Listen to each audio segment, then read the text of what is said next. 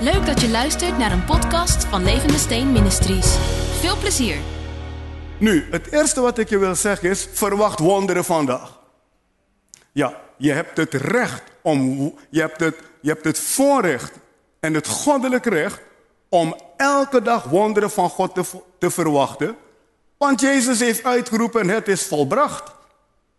Dat betekent een leven van wonderen en tekenen.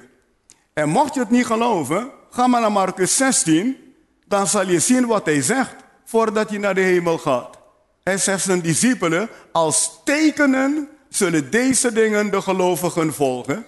En dan noemt hij het wonderbare leven, dat er wonderbare genezingen zullen zijn, bevrijdingen zullen zijn, dat je het bovennatuurlijke zal leven. Wat God aangaat, horen gelovigen in het bovennatuurlijke te bewegen. Je bent op aarde en juist hier op aarde verwacht God dat je mindset bovennatuurlijk is en dat de kracht van God door je heen kan werken en door je heen kan stromen. En daar moet je geen goedkeuring van mensen voor zoeken, want God geeft je dat recht. Jezus zegt, verkondig de blijde boodschap, wonderen en tekenen zullen je volgen, ik zal meewerken. Dus in zijn gedachten zijn dingen rond. De vraag is, zijn de dingen ook rond in onze gedachten? Hebben wij ook die mindset van, hey, als alles al volbracht is, betekent dat dat er een antwoord op alles voor mij is en ik moet leren in de overwinning te gaan staan. In Marcus 11, vers 24 zegt Jezus, al wat je bidt en begeert, gelooft dat je het ontvangen hebt. Dus hij plaatst je in de voltooide zin. Hij plaatst je in de mindset van het is volbracht. Wij gaan hier aan voorbij als gelovigen, maar je mag er niet aan voorbij gaan. Marcus 11, vers 24 staat er. Ja, al wat je bidt en begeert, geloof dat je het ontvangen hebt. Eigenlijk zegt hij, geloof dat het volbracht is. Ja, ga erin staan.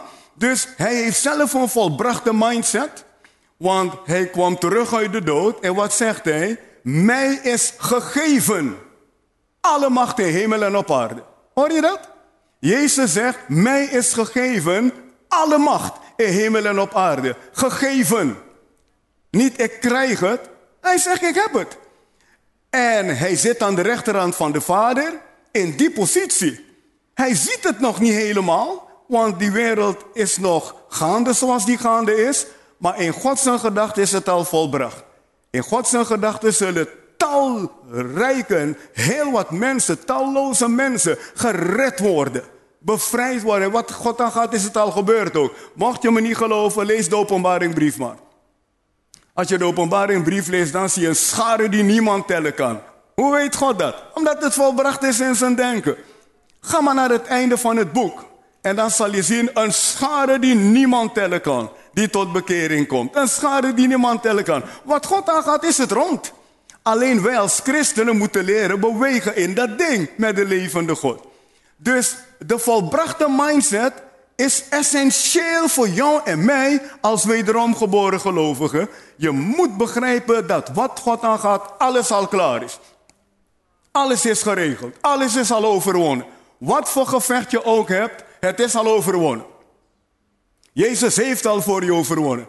Daarom staat er in 1 Timotheus 6, het twaalfde vers, strijd de goede strijd van het geloof. Een goede strijd. Nou, waarom noemt de Bijbel het een goede strijd? Omdat Jezus al overwonnen heeft voor jou. Mooi hè? 1 Timotheus 6 vers 12, strijd de goede strijd van het geloof.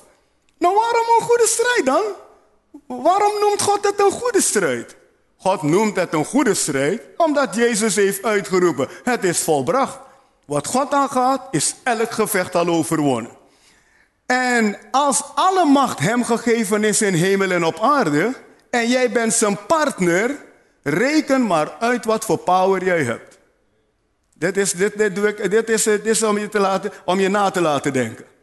Als wij als gelovigen zeggen, alle macht is aan Jezus gegeven in hemel en op aarde, en Jezus zegt het in Matthäus 28, vers 18.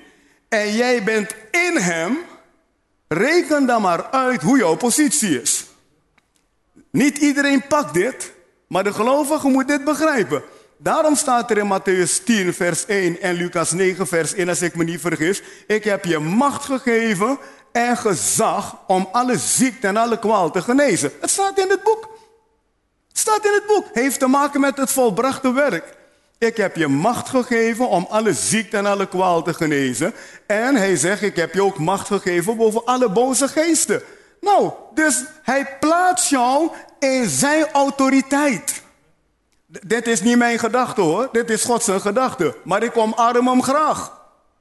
Dit is niet mijn gedachte, Jezus zegt het. Mij is gegeven alle macht in hemel en op aarde. Voltooi de zin. Het is over. En diezelfde Heer zegt tegen jou en mij: Zie, ik heb je macht gegeven. Lucas 10, vers 19. Boven de gehele legermacht van de vijand. Jo, als je niet erin komt, wordt christen zijn heel lastig. Je hebt geen toestemming van mensen nodig om dit te geloven. Je hebt Gods toestemming nodig. En God geeft je die toestemming. Lees het maar. Lucas 10, vers 19. Matthäus, 1, Matthäus 10, sorry, vers 1. Lucas 9, vers 1. Het staat er.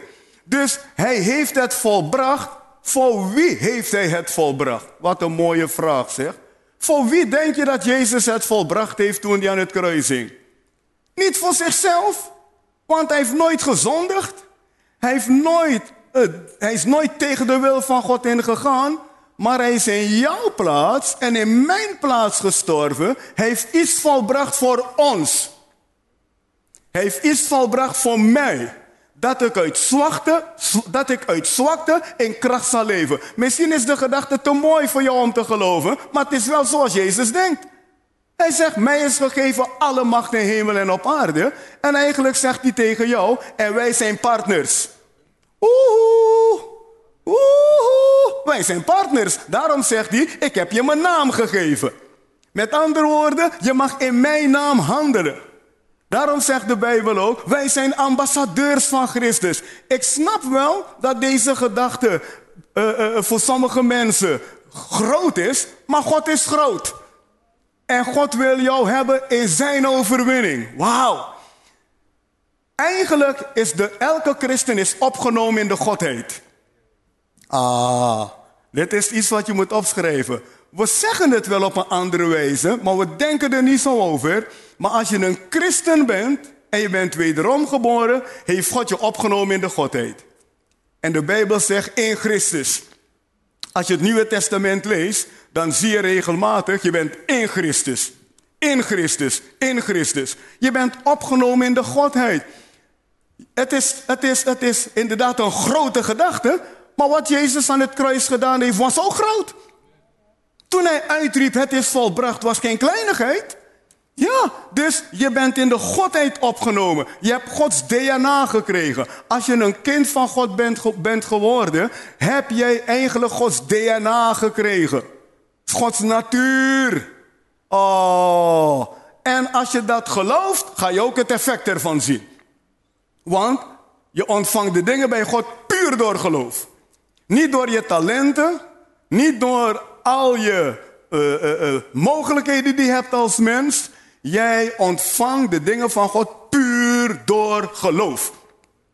Daarom word je ook genoemd gelovige. Ja, je wordt niet genoemd verstandige, hoewel je verstandig hoort te zijn. Maar je wordt genoemd de gelovige. God verwacht geloof van jou. En als God zegt, ik heb je in de Godheid opgenomen, dan ben je in de Godheid opgenomen. Jezus zegt het ook in Johannes 17. Hij zegt, zij en ik en u, u en mij en zij en ons, we zijn allemaal één. Het staat in de Bijbel allemaal, maar we lezen eroverheen. En daarom hebben we dan ook niet altijd het effect ervan, omdat het niet altijd een deel van ons is geworden. Daarom moet je mediteren en nadenken over wat God zegt. Christen zijn is niet voor luie mensen. Dan gaat de duivel je een pak slaag geven. Christen zijn is voor mensen die God ernstig zoeken is voor mensen die eerst het koninkrijk van God zoeken. Is voor mensen die zeggen, als God het zegt, geloof ik het. Let the church say amen. Let the church say amen. God has spoken. Let the church say amen. De kerk hoort amen te zeggen op het praten van God. Dan kom je in bovennatuurlijke dingen terecht. In goddelijke dingen terecht. Dus, als partner van God ben je in dezelfde overwinning als Jezus Christus. Hij zoekt dezelfde mindset bij jou als dat bij hem is. Hoi, dat is wat discipelschap betekent.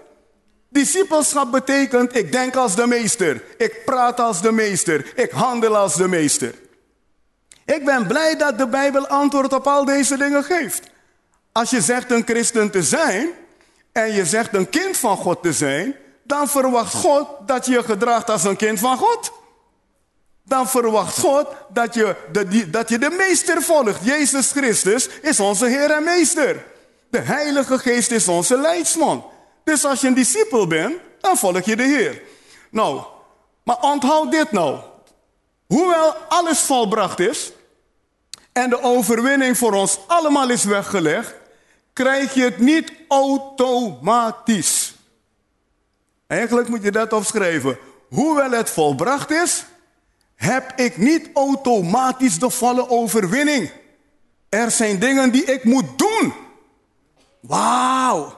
Ja, het is volbracht, maar je kan als christen nog als een verliezer leven. Je kan als christen zwaar gedeprimeerd door het leven gaan. Je kan als christen angstig door het leven gaan. Je kan als christen zwaar bezorgd door het leven gaan. En toch is het volbracht. Dus er zijn dingen die wij moeten doen. En ik heb een paar dingen voor je opgeschreven. Christen zijn betekent, je moet dingen besluiten. Je leest dit in Job 22, vers uh, eh, 27 en 28. Dan staat er eerst, je zal tot hem bidden en je zal besluiten. Dit patroon staat er, lees het maar. In Job hoofdstuk 22, vers 27 en 28. Je zal tot hem bidden. Bidden is je gemeenschap met God, is praten met God. Hij zegt daarachter, en je zal tot dingen besluiten. Dus je hebt een relatie met God nodig om dingen te besluiten. Ah. Job 22, vers 27 en 28. Hij zegt, je zal tot hem bidden, hij zal je verhoren. En dan zal je besluiten tot dingen en het zal tot stand komen. Dus je ziet hier de goede combinatie. Bidden is je vriendschap met de Heer. Bidden is je relatie met de Heilige Geest. Ja. En dan is vers 28 je autoriteit gebruiken. Dus bidden is niet alleen, oh God help, oh God help. Bidden is ook dingen besluiten. Bidden is zeggen, ik besluit, dit ding zal niet gebeuren in Jezus' naam. Ik besluit, dat zal gebeuren in de naam van Jezus. Ik besluit, de duisternis zal hier niet doorbreken. Ik besluit in Jezus' naam, de, het licht breekt door. Ik besluit in de naam van Jezus, de dingen zullen gaan zoals God wil dat ze gaan. Je zal moeten leren besluiten, christen. Het staat zowel in het Nieuwe als in het Oude Testament.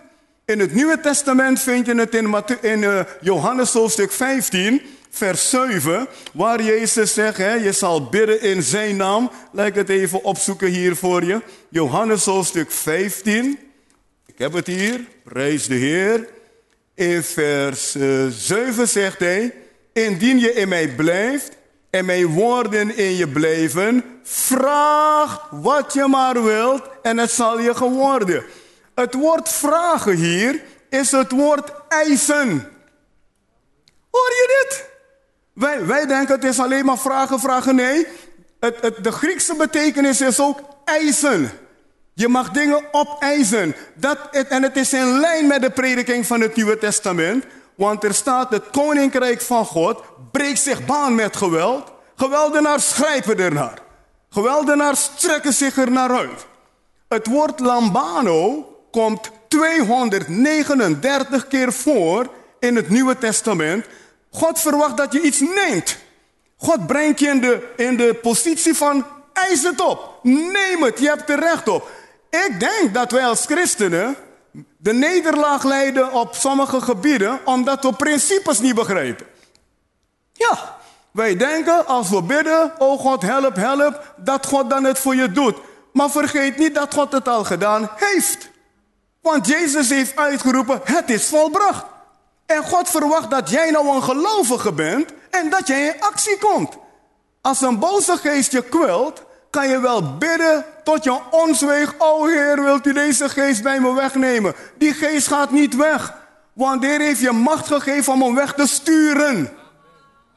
Je kan, echt waar, Nog nooit heb ik gezien dat een boze geest is uitgedreven omdat iemand zegt, oh Heer Jezus, wilt je doen, wilt je doen. Die geest blijft zitten.